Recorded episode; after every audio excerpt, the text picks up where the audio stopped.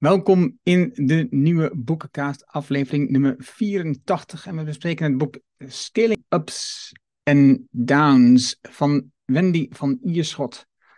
Het boek heeft naast de tekst van Wendy ook de afbeeldingen van Gerrit de Jager, wat ik altijd wel grappige afbeeldingen vind. En ik hou van strips, dus nou, dat maakt het net iets lekkerder leesbaar. Wendy is ook bekend van haar podcast op BNR, waar ze de werkprofessor is. En zij is eigenaar van onder andere het bedrijf V-People, V-I-E People. En eigenlijk is daar het hele boek op geënt op people. En dat is ook eigenlijk waarom ze het boek heeft geschreven. Omdat ze dat deel, het people deel, echt miste in het boek van Vern Harnish, Scaling Up. Dat heeft ze me verteld in het gesprek dat ik had voor de podcast met haar, naar aanleiding van haar boek. Zij vertelt daar, ja, weet je, het onderdeel people in het boek van Vern is een kleine, wat was het, 20 pagina's of zo. En uh, voor haar, wat haar betreft, veel te weinig. En daarom is dit boek verschenen.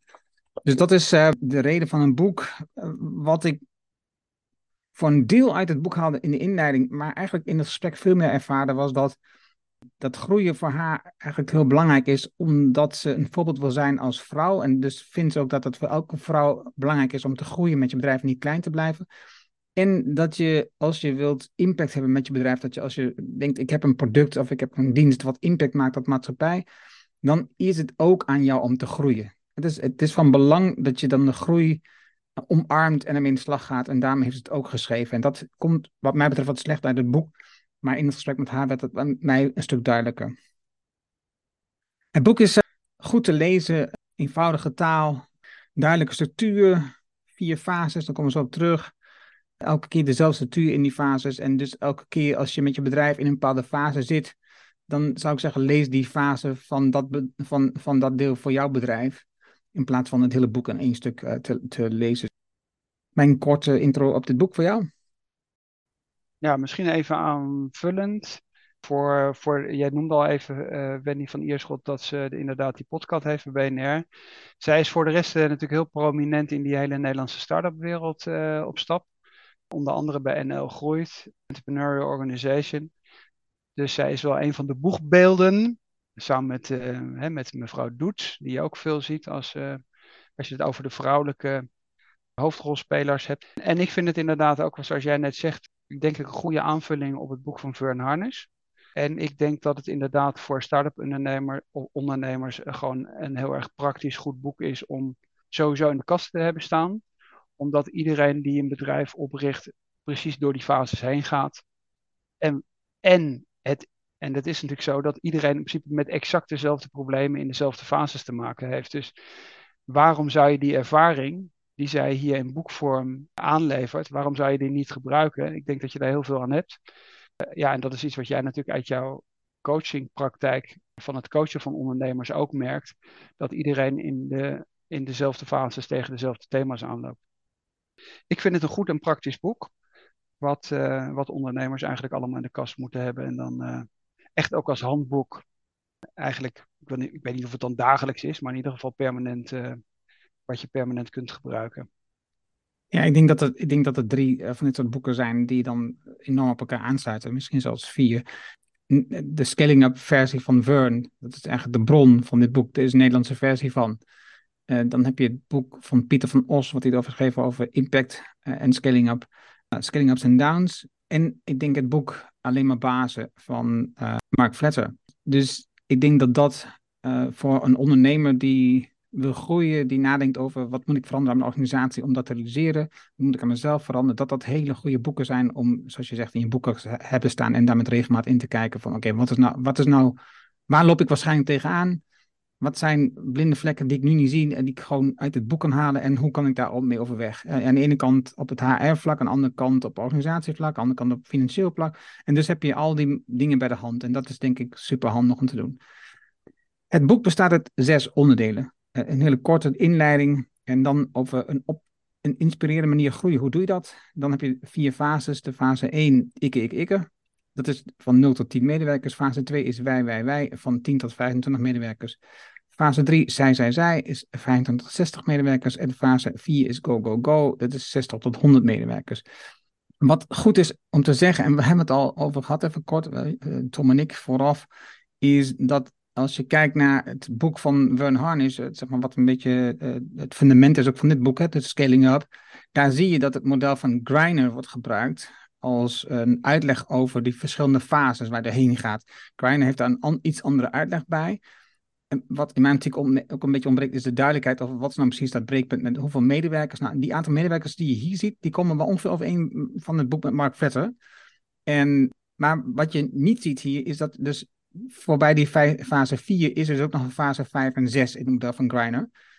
En je snapt dat voorbij de 100 medewerkers, uh, dat ligt ook nog wat. Maar dat beschrijft zij, en dat ik dus het gesprek gehad met haar, bewust niet in het boek. Want ergens wilden ze zeg maar, het boek gewoon behapbaar houden en dan zou het boek veel te dik worden. Ze heeft bewust gekozen om te gaan tot fase 4. Um, ook zeker in de Nederlandse markt is dat al een enorme doorbraak als dat veel meer bedrijven zou, en ondernemers zouden realiseren. Ja, dat klopt. Dat is natuurlijk uh, vanuit het Amerikaanse perspectief is, uh, zijn alle fases die zij beschrijft nog klein. Wat ik overigens wel weer interessant vind, uh, dat ze daar dan ophoudt. Ik zou zeggen, praktisch klopt dat. Alleen wat nou juist vaak het verwijt is, ook in die hele start-up scene, is dat Nederlandse ondernemers niet groot genoeg denken. Dus ik zou zeggen, enerzijds begrijp ik het, anderzijds heeft het me weer verbaasd. Omdat juist ook binnen NL groeit met Kees de Jong, en dan nou juist die, die hele grote bedrijven, of het nou Rituals is, of Coolblue, of uh, Jitse Groen met uh, Just Eat Takeaway, et cetera. Dat zijn de voorbeelden die elke keer op het podium worden gehaald. En dan zou ik, dan zou ik zeggen van ja, oké. Dan is toch eigenlijk ook wel interessant om te zeggen van ja, hoe doe je het nou als, als je de ambities hebt om het heel groot te maken? Ik denk dat het ook meespeelt met dat nou, haar bedrijf ook rond dat niveau, het aantal zit, medewerkers zitten. En dat zie je ook bij Mark Vetter, die zit nu, die zat in, want ik heb ook met hem over het boek gesproken en hij of zijn boek voor duidelijkheid. En hij had het ook over dat dus nu ergens bij de grens 150, daar merkte hij toch wel wat aantal problemen voor de horizontale niveau organiseren. En vroeg hij zich af of het werkelijk doorgezet kan worden. En heeft hij even de pauzeknop gedrukt. En dus daar zie je ook, het is natuurlijk ingewikkeld om met ervaring te plukken die je zelf niet hebt gehad. En, en het maakt een boek schrijven veel makkelijker als je kunt eh, spreken uit ervaring. In de inleiding vertelt Wendy, en daar heb ik ook met haar over gehad in het gesprek, vertelt ze over waarom ze nu toch heeft gekozen voor groeien. Want in het beginsel, ze heeft gewerkt bij Shell en ze ontdekte eigenlijk daar dat zo'n grote organisatie, dat is niet wat ze wilde. Heel veel stroperigheid, bureaucratie, allemaal lagen, dat is beslist niet wat ze wilde. En, en dus ze had zoiets van, ja, ik hou mijn bedrijf lekker klein, dat is makkelijk, daar voel ik me fijn bij. En uh, ja, een pap gaat ze naar de VS. Eh, ik denk, ik was in relatie met Entrepreneurs Organization. En daar ontmoet ze andere vrouwelijke ondernemers. En die praten de hele tijd alleen maar over groeien en over groter worden. En daar wordt ze toch aangestoken en overtuigd dat groeien, dat scaling up, cruciaal is voor ondernemers. Zeker voor vrouwen, zegt zij. Hè. Dus nu, als je als voorbeeldvrouw in Nederland een rol speelt voor haar dochter, maar ook voor andere vrouwen, maar ook voor mannen, zei ze toen. En dat aan mannen laten zien dat vrouwen dit ook gewoon kunnen is het eigenlijk je plicht om als vrouw uh, of als duurzaam ondernemer je bedrijf te laten groeien. Zo zit zij erin. Dat is de inleiding. En, en eigenlijk denk ik gelijk de eerste twee, de twee delen zijn het volgens mij zelfs. Het boek gaat over, over wat je nodig hebt op het gebied van HR, voor duidelijkheid. Hè? Dus zij beschrijft telkens um, zes uh, cruciale condities voor een succesvol bedrijf.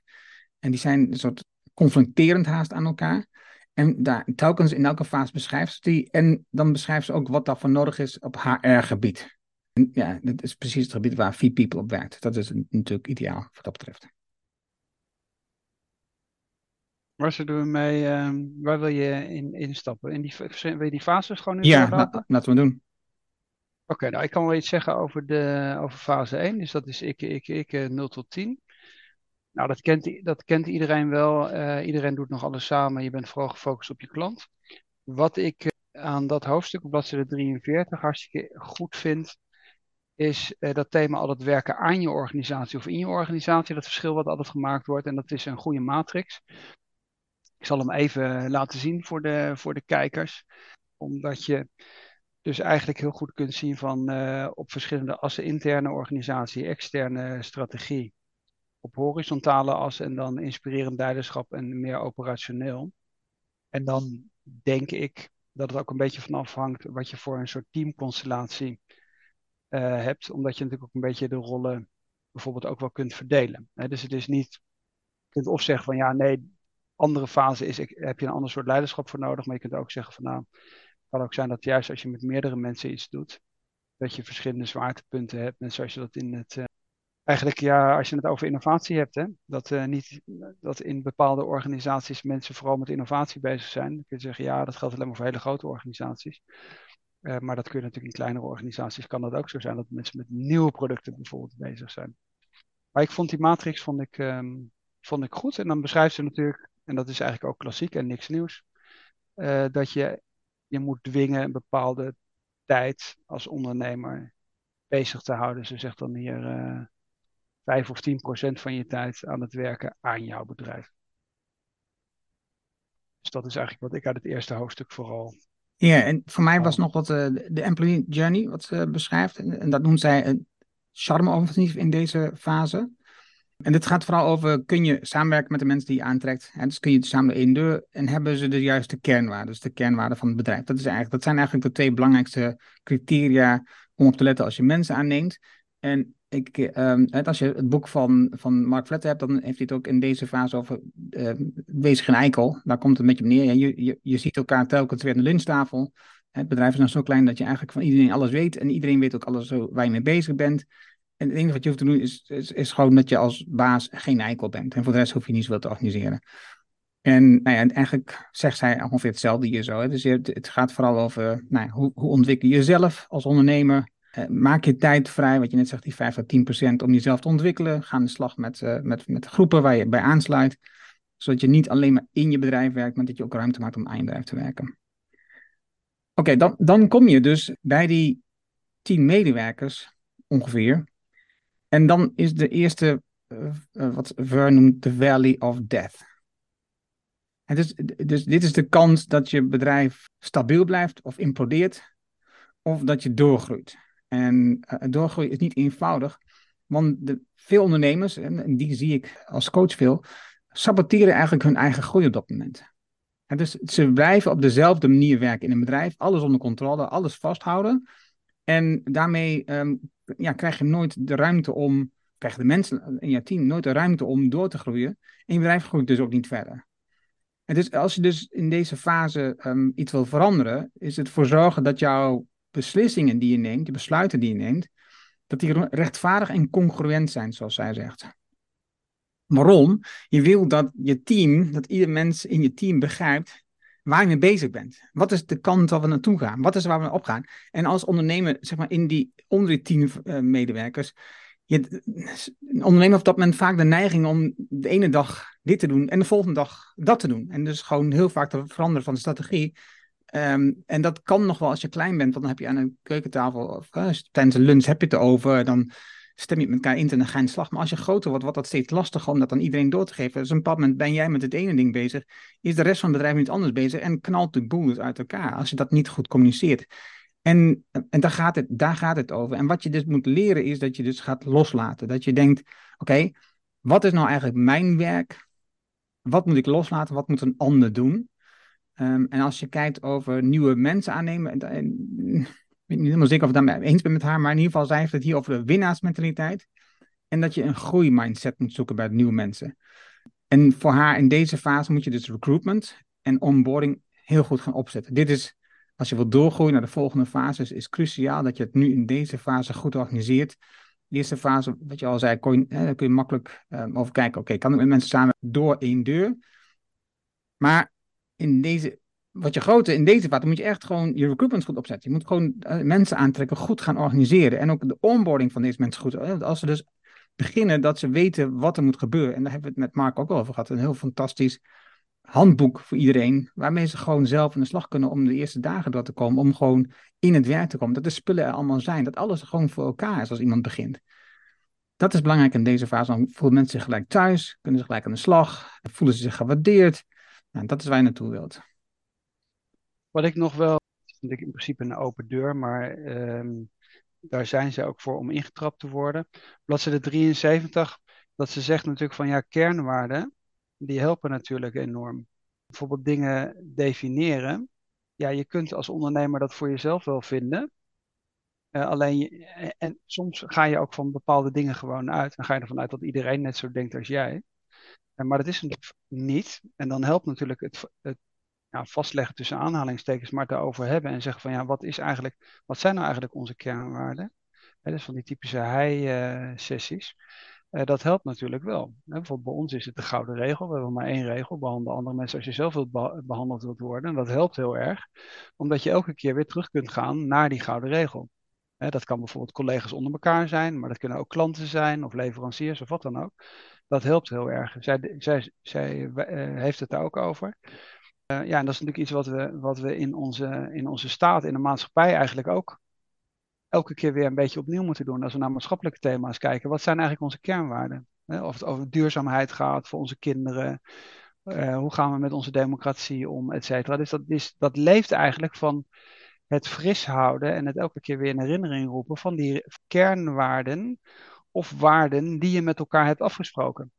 Wat vinden wij ethisch onderling correct uh, gedrag? En als dat helder is, dan helpt dat natuurlijk heel duidelijk, omdat dan de meerderheid zegt van ja, dit is de manier waarop wij hier samenwerken of met klanten samenwerken of lange termijn gericht zijn. En het is ook duidelijk voor de mensen die daar andere meningen over hebben. En hoe duidelijker je dat uitstraalt, des te meer zul je ook zien dat mensen die andere opvattingen hebben over de wereld, zich ook helemaal niet aangesproken voelen om bij jou te solliciteren. Dus dat helpt, die kernwaarde, dat helpt ook heel erg in, in, in het de juiste mensen te acquireren of ja, dat ze bij jou uh, komen werken. Hoe duidelijker dat is, hoe makkelijker het eigenlijk ook is, omdat je niet allerlei mensen binnenhaalt waar je naar de hand weer afscheid van moet nemen, juist omdat de kernwaarden niet overeenkomen. Nu je de verhaal zit te vertellen, moet ik ook denken aan het verhaal van uh, bedrijf Bameschijf van K2 waarin uh, de oprichter, een van de oprichters, op dat moment zeg maar die kernwaarden ging vastleggen. Hij dus ging het onderzoeken, ging het allemaal vastleggen en op schilder of wat dan ook hangen in het kantoor. En op dat moment kwam er een van, ik weet niet precies, uh, kwam langs en zei, op het moment dat dat daar, daar ligt, is, is het een verloren zaak. Het is veel belangrijk dat je erover praat, en dat zeg je ook, dat je, het in, dat je het in leven houdt dan dat je het hebt opgeschreven en dat ophangen. Want dat is wat veel organisaties natuurlijk de grote fout maken, dat ze het één keer uitzoeken dan in de hal ophangen en, en daarna zelf eigenlijk niet meer naar leven. En dat is natuurlijk niet wat je wil. Het is, je wilt vooral uh, voorleven en doorleven. Fase 3. Met een winnende people-strategie werken aan een betere wereld, schrijft zij in dit deel. Dat is wel een, een, een mooi uitgangspunt. Hè. Zij noemt dan de SDG's. En ze koppelt dan de SDG's, verschillende SDG's aan waarom dus een winnende people-strategie zo belangrijk is. Uh, dat is de intro die ik wil geven, maar ik laat de rest even van jou over voordat ik alles ga doen. Ja, dat is die uh, zij, zij, zij 25 tot 60 medewerkersfase. Hè? Ja, ik bedoel, eh, wat je natuurlijk ook een keer moet zien is dat zij vooral vanuit haar achtergrond van haar eigen bedrijf met Vier People natuurlijk ook schrijft, wat opschalen. Ik zou zeggen, het is, eigenlijk klassiek, hè? Dus hoe groter iets wordt. En dat, uh, de vraag is op een gegeven moment, ja, waar trek je exact altijd die lijnen? Maar alles wat op een gegeven moment groter wordt, ja, dat, wat overigens bij Greiner natuurlijk net zo'n rol speelt dat je dan vooral structuren moet bouwen, uh, ook dingen moet overdragen en loslaten. Ja, en loslaten is natuurlijk iets waar ondernemers heel erg veel moeite mee hebben, omdat dat nou juist in de oorspronkelijke fase was dat nou juist wat ze zo prettig vonden. Uh, en dan legt ze uit hoe je dat in moet vullen. 144 met de CEO en de COO. Dan zegt ze, nou, een part-time CFO zou ook nog wel zinvol zijn. Uh, en ze heeft het ook wel veel over experimenten. Blijven vernieuwen. Toch wel ook in combinatie met gedisciplineerd zijn. En wat ik wel interessant vind, is dat ze dat aspect bijvoorbeeld sterk benadrukt. Dus ze zegt bijvoorbeeld van discipline is steeds harder nodig. En dat is iets wat ik vanaf een afstand, omdat ik natuurlijk ook in het buitenland zit, in Nederland ook wel, wel, wel interessant vind dat ze juist dat, dat standpunt van die discipline inneemt. Omdat de Nederlandse cultuur een beetje ongedisciplineerd individualistisch is, omdat iedereen het eigenlijk altijd veel beter weet. En zegt van ja, maar ik vind zus en daarom doe ik ook zo bijvoorbeeld hè, in Amerika of in, ook in Duitsland bijvoorbeeld veel minder is. Ik vind het wel interessant dat ze dat sterk benadrukt, die, die discipline. Ja, voor de rest mixen het natuurlijk ook toch wel met Fern Harness en de Amerikaanse winnaarsmentaliteit. Ja, waar ik altijd een beetje een dubbel gevoel bij heb. Omdat ze beschrijft enerzijds psychologische veiligheid, tussen haakjes Amy Edmondson, et cetera. En juist, juist winnaarsmentaliteit heeft ook wel een beetje soms een keerzijde, dat mensen dan een beetje over het doel dan meer kijken naar dan bijvoorbeeld, oké, hoe bereik ik dat doel? Omdat ik altijd wil winnen. En soms is het misschien ook zinvol om wat te reflecteren en te zeggen van nou, het is een marathon. Uh, laten we maar stap voor stap doen. En dat zie je natuurlijk op dit moment in een crisisfase waar heel veel bedrijven heel veel geld in het verleden hebben ingezameld en heel sterk wilden groeien.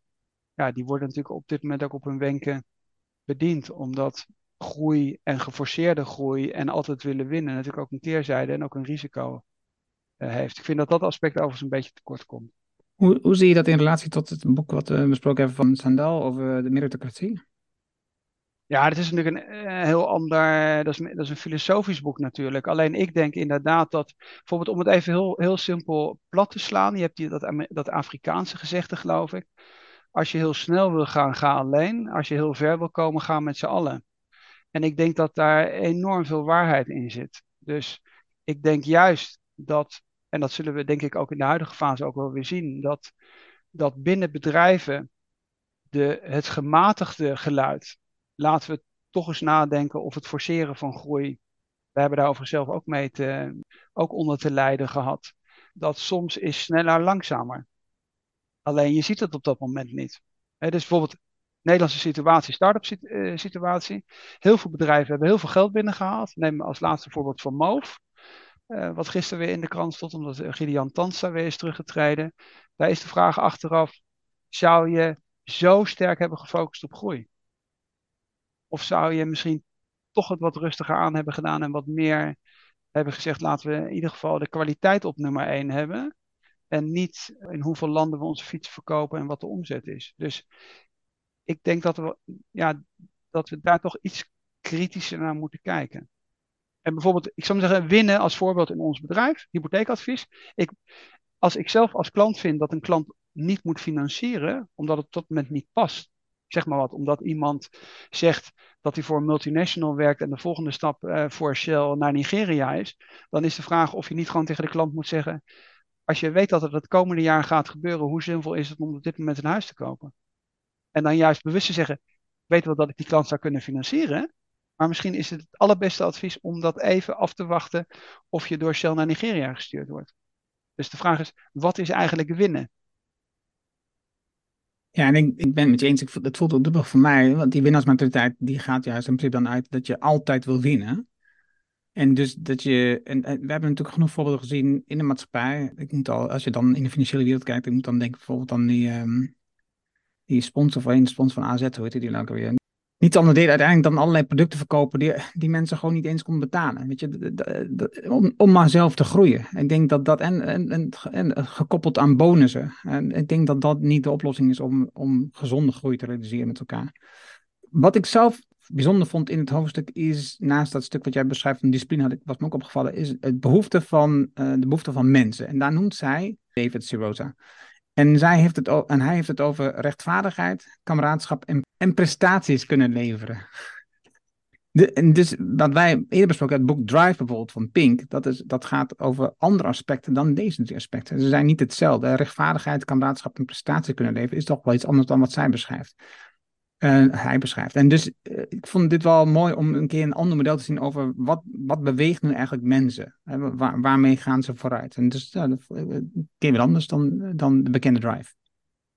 Ja, maar om even dat punt nog op te pakken. Intrinsieke motivatie, extrinsieke motivatie. Op bladzijde 165 uh, beschrijft zij over beoordeling van, van beloning, et cetera. Nou, daar zijn wij natuurlijk wat dat betreft extreem voorbeeld van als mensen dat interessant vinden, salarismodel, transparant, jaarlijkse verhoging, scheiden van performance, et cetera. Nou, er is heel veel online te vinden als mensen het interessant vinden. Ik heb soms een beetje het idee dat ze. Ja, het conflicteert een beetje. En dat is niet alleen maar via de fases, maar. Ik heb haar niet gesproken, ik heb haar niet geïnterviewd. Maar ik heb ook het idee van. En dat, misschien dat het op zich ook best wel goed is. Het, het ziet er soms naar uit dat het met elkaar in conflict is. Dus neem even een voorbeeld: 360 graden feedback staat helemaal bij beoordelen. Nou, als je een hele, een hele zekere omgeving creëert en je scheidt nou juist het belonen daarvan, dan vindt dat sowieso allemaal plaats. Dan hoef je helemaal niet één keer per jaar daar, zoals in een corporate, 360 graden feedback in te voeren, wat heel lastig is. Want ga jij je chef feedback geven die na de hand dan weer voor jouw salaris verantwoordelijk is, et cetera. Dus daar is de research eigenlijk duidelijk over. Dus ik, ik kan dat soms niet altijd, ik kan dat niet altijd plaatsen. Ik zou zeggen, zie het als lezer als een soort, als een soort aanbod in een supermarkt waar je kunt kiezen uit een hele hoop verschillende pasta's. Misschien dat ze dat ook al wel bedoelt met die, bijvoorbeeld die matrix op, 105, op uh, bladzijde 165, waar ze dan verschil maakt tussen, tussen aantallen. Maar ik weet niet of, of de manier waarop je dingen doet per se altijd te maken heeft met het aantal mensen wat je hebt. Dus even heel simpel gezegd, je zou nog steeds, juist als je bijvoorbeeld is een fan van het cellenprincipe van Eckhart Winsen, dan zou je in principe ook de vraag kunnen stellen, als je steeds weer het bedrijf heel klein houdt, blijf je dan in principe in die cel niet gewoon altijd in fase 1 qua aannemen van de mensen waar je van je zegt van nou, waarden komen overeen, mensen hebben een hoge intrinsieke motivatie, gaan zelf met de thema's aan de slag.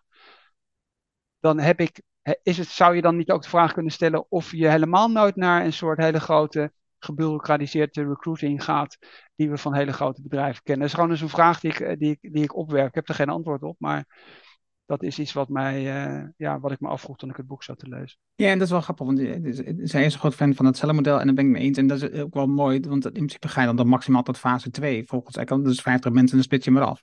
En dan zit je wel fijn aan mensen. Overigens, dat, dat, dat tegenstrijdige, dat, dat, dat zegt ze ook in het, gesprek met ons. En, want als je kijkt naar uh, pagina 33, gaan we terug naar die zes cruciale um, condities die zijn ook eh, telkens tegenstrijdig. Dat beschrijft ze ook in het boek. Hè? Dus eh, je hebt sterk leiderschap tonen. Maar je moet tegelijkertijd verantwoordelijkheid overdragen en loslaten. En je moet blijven vernieuwen, maar je moet ook gedisciplineerd zijn. En je moet effectief samenwerken, maar je moet ook een winningsmentaliteit aanjagen. Dus zij zegt ook, het, is ook tegenstrijdig. Dat is, daar draait het in principe allemaal om. Het is een soort dynamische balans die je continu zoekt. Zoals Pieter dat dan beschrijft, om, om ja, dit soort dingen te ontdekken. Wat past nou goed bij jou en hoe kun je dan de volgende stap zetten? Ja, alleen ik wil iets anders. Dus op bladzijde 165 scheidt, scheidt zij dan en zegt van ja, nou, als je 60 mensen hebt, dan moet je, is dat proces anders dan in klein. En daarom vind ik dat punt wat jij net zei, zou het niet zo zijn dat als je juist het cellenprincipe van Eckhart Winsen volgt, dat je altijd in fase 1 en 2 blijft. Ja. Maar goed. We gaan het zien. Bij fase 3 begin je dus ook met het NT te introduceren. He, dus je hebt het net al gezegd, ik heb begin de CCO, eh, misschien een part-time CFO. In fase 4 ontwikkel je dus een grote MT. En dus je ziet in haar fases heel duidelijk een hiërarchische structuur. Overduidelijk is het aanwezig in haar verhaal. En zij ziet ook niet veel in het verhaal van een horizontale omgeving, dat als dat de oplossing is voor haar. En dus ieder verschillend. En dus naast dat zij dus is voor die stellingsstructuur, zie, zie je, ook in die zie je ook dat ze een fan is van hiërarchische structuur, want ze heeft het over een steeds groter worden NT. Wat jij dan als MT te doen hebt, niet alleen als eigenaar, maar ook als MT, als founders, is het leven van je medewerkers en klanten eenvoudiger maken. Dat is het, belangrijkste wat je doet. Daar moet je op concentreren. En je werkt dus op dat moment eigenlijk vooral dus continu aan je bedrijf. En je werkt niet meer in je bedrijf, je bent alleen maar bezig werken aan je bedrijf. Dat zou dus gewoon 9% van de tijd moeten zijn. Wat je dus bij veel ondernemers ziet misgaan. Die blijven dus werken in het bedrijf. Ze interesseert hier ook het um, groeivliegwiel van Jim Collins. En het andere wat me opviel in het stuk, als je dan vanuit de HR-kant kijkt, is dus wat je wil is de lat continu hoger leggen voor het talent dat je binnenhaalt. Met de gedachtegang, als je, dus, eh, als je dat doet, dat je steeds meer talentvolle mensen aantrekt. Want als je talentvolle mensen aantrekt, dan trek je daarmee dus weer meer talentvolle mensen aan. Omdat het leuk is, interessantvol is, er veel gebeurt in je organisatie. Daardoor trek je weer meer mensen aan die erbij passen. En daar zit voor mij ook weer die dubbeling met dat, die winnaarsmentaliteit. Dat je alleen op zoek bent naar de beste mensen, de meest talentvolle mensen. de, de, vraag is heel erg, wat, is, wat zijn de beste mensen en wat is het meest talentvol? Hè? Dus, en dan ben je natuurlijk in principe toch weer ook, uh, want twee boeken die we niet hebben genoemd, enerzijds Jim Collins zou je er ook nog naast kunnen zetten, Level 5 Leadership, et cetera. Maar waar wij het natuurlijk heel veel over hebben, is het klassieke MKB en, uh, en Herman Simon. En als je bijvoorbeeld daar kijkt naar de, naar de wereldmarktleiders die in de niche opereren en overigens miljarden omzetten maken, die definiëren de beste heel anders. Dus die definiëren de beste praktisch. En dat is dus niet wie heeft het meeste MBA-kandidaten in zijn bedrijf. Nee, dat zijn mensen die eigenlijk lang in bedrijven werken, heel goed weten waar ze het over hebben. Dus ik zou zeggen, de goede werkende voorman. En het heeft heel veel met loyaliteit en samenwerking te maken. En die zullen, die zullen wat zijn de beste mensen heel anders definiëren. En een soort, bijna een soort, misschien even iets te uh, extreem uitgedrukt, maar bijna een soort afkeer hebben van dat idee, wij zijn maar de beste en wij zijn academisch het hoogste opgeleid. En dat zegt iemand die zelf heel erg academische achtergrond heeft en met zijn handen niks kan. Hè? Dus ik, uh, ik zeg dat zelfkritisch. Uh, als ik naar een bedrijf kijk, dan denk ik juist dat, en dat zie ik bij ons bijvoorbeeld ook, dat wij zouden de beste mensen definiëren zoals Herman Simon en Hidden Champions het definieert. Lang erbij, hoge loyaliteit, veel ervaring, goede samenwerking en zich in dienst te stellen van het collectief. Het team is belangrijker dan het individu. En ego's hebben geen plek in de zin van ik ben beter dan anderen. En ik ben de winnaar en jij bent de loser. En dat is wat je ziet, wat je heel erg toch wel die Amerikaanse beïnvloeding, dat is voor mij toch elke keer stoot me dat op. Bijvoorbeeld, ik kan het woord growth mindset en geen growth mindset, daar heb ik echt problemen mee. Omdat ik het, en dan zijn we toch weer bij Sendel. Er is een soort, ja, ik weet niet of ik het arrogantie moet noemen, maar dat is toch een beetje die academische meritocratische arrogantie. Dat wij het allemaal veel beter weten, omdat we theoretisch geschoold zijn en veel beter kunnen babbelen. En dan denk ik van ja, als jij een wereldmarktleider op het gebied van fietsen wil opbouwen, misschien heb je dan gewoon heel veel goede fietsenbouwers nodig, die 25 jaar lang fietsen willen bouwen en zeggen wij bouwen samen fietsen. En minder met een soort MBA-achtig weten in zo'n kennis in zo'n bedrijf komen, dan laten zien dat je met heel veel private equity eh, heel snel kunt groeien en na de hand mankeren die fietsen. Die functioneren niet meer. En iedereen klaagt daarover dat die fiets niet meer zo goed was dat hij in het verleden was. Voorbeeld van Moof, om het even daar concreet over te hebben. Dus ik denk, van, ik denk dat we wat meer reflectie kunnen hebben en ons wat meer de vraag kunnen stellen: wat is eigenlijk de beste medewerker? Ja, ik ben het daarmee eens. Dus ik heb daar weinig op aan te vullen. Ik denk dat er geen grote contradictie is zeg maar, tussen Gazelle en Van Moof. Ja, en wat me ook bijvoorbeeld nog te binnen is geschoten, is bijvoorbeeld, ik, ik geloof ook nog steeds sterk aan de, in, de, in de werkende voorman. Dus ik ben zelf, we zijn hè, vier, vier founders. Ik ben nog degene die heel erg op die horizon 2 zit en, en vanuit een helikopterview heel vaak meer tijd besteedt aan de toekomst. Maar drie van de, drie van de vier founders, dus mijn drie collega's, zijn allemaal mensen, eigenaren die nog steeds een klant kunnen adviseren. En twee van de vier zijn in de daily business dagelijks op de werkvloer met klanten bezig. Nou, gaat het even niet over visie. Neem ik bijvoorbeeld Ardien. Daar zegt Peter van der Does. Ik zet bewust in, naast ons, onze raad van bestuur, zet ik altijd IT-mensen neer die aan het programmeren zijn. En de kern-DNA van de organisatie is de programmeur die zelf weet hoe de architectuur is.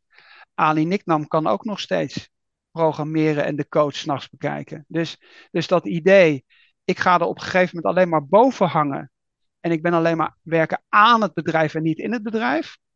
Het kan best zijn dat je zegt van nou ja, als je drie of vier founders hebt en je hebt min of meer gelijke shares, eh, dat je dan bijvoorbeeld de boel verdeelt. Bij ons is het vier keer een kwart, heel grof geformuleerd. Bij Artjan weet ik op dit moment niet uh, hoe de aandelen verdeeld zijn. Alleen ik geloof, juist ook als we naar Amerika kijken, dat de kracht van overigens de oprichter bij technische ondernemingen, dat je zelf exact weet waar je het over hebt. Bijvoorbeeld als je software produceert, dat je zelf kunt programmeren en nog steeds een bepaalde tijd, een bepaald percentage bezig bent met programmeren op de werkvloer. Dat nou, juist nou heel vaak de kracht is van juist ook in het bedrijf actief blijven. Omdat je gewoon veel dichter op je informatie zit.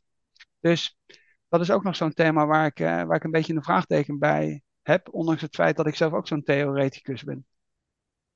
Je ziet het ook bijvoorbeeld bij Moneybird echt exact hetzelfde. Ook daar zie je de twee oprichters. Nou, die zijn nog steeds betrokken eh, bij de code van het pakket van de achterkant, bij de ontwikkeling. Ze hebben erg veel focus op de kwaliteit van het product en niet zozeer op de groei van het bedrijf. En ik denk dat dat enorm verschil is. En ook waar het al vaak over gewoon veel meer Rijnlands is dan de um, Anglo-Amerikaanse gedachtegoed rondom scaling up.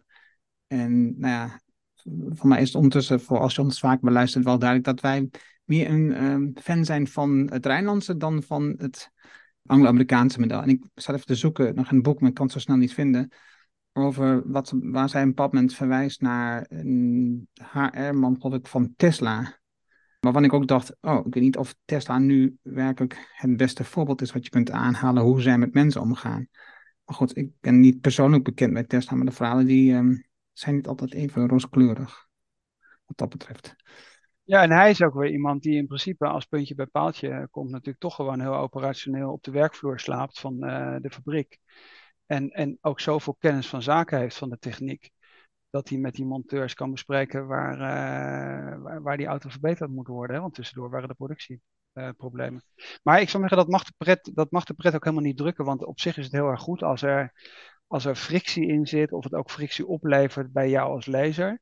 En wat ik wel heel sterk vind, is dat overzicht, bijvoorbeeld wat helemaal aan het eind van het boek staat, dat je gewoon elke keer weer op thema, persoonlijke groei bijvoorbeeld, laat even bijvoorbeeld dat hier zien, 218, persoonlijke groei, heeft ze gewoon al die fases even netjes naast elkaar gezet.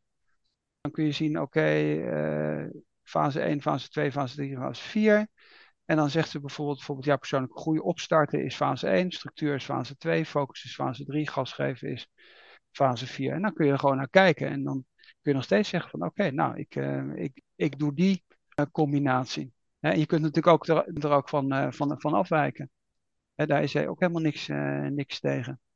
Dus voor, ik wil graag dat jij even een conclusie van het boek zo meteen vertelt, maar voor interessant voor als je het boek koopt, er zit ook een online omgeving bij, waar je nog verdieping krijgt met video's, waar je ook een uh, gemeenschap hebt van mensen die het boek uh, interessant vinden, waarmee je in discussie kunt, want je ziet ook uit haar Entrepreneurs Organization omgeving dat zij van houdt dat je met andere ondernemers over dit onderwerp praat.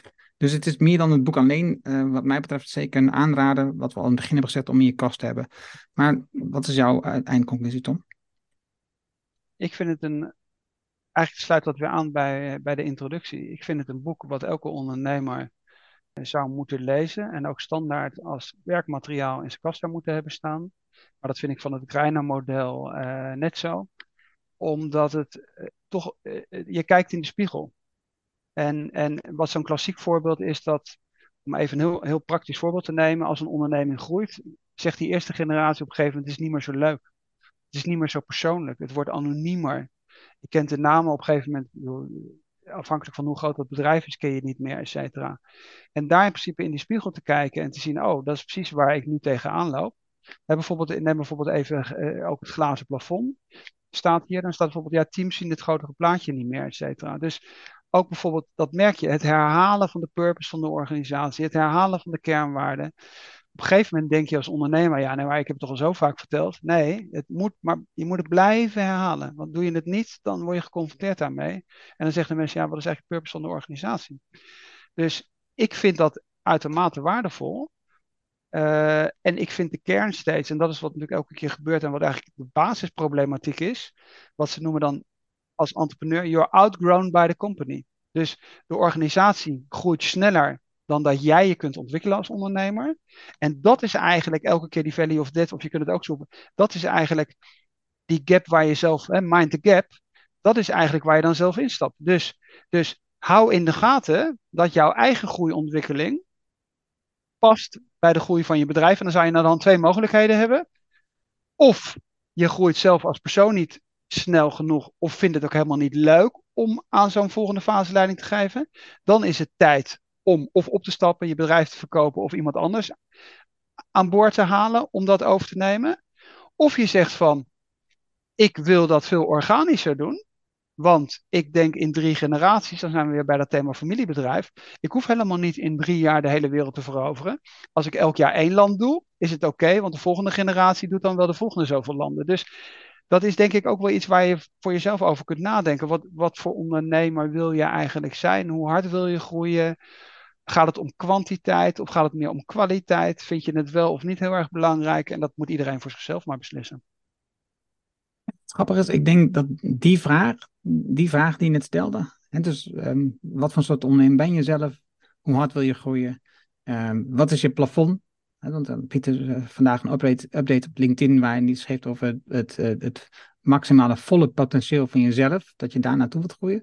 Wat is dat dan precies? Dat je dat onderzoekt. Die, die vragen, die zie ik eigenlijk nooit in het boek verschijnen. Niet in, niet in dit boek expliciet, maar gewoon in, in dit soort boeken komt dit niet naar voren. Dat je zelf goed onderzoek doet. Hè. Dit wordt als de waarheid gepresenteerd. Maar is het wel jouw waarheid? Onderzoek dat eerst maar eens. Oké, dan sluiten we mee af.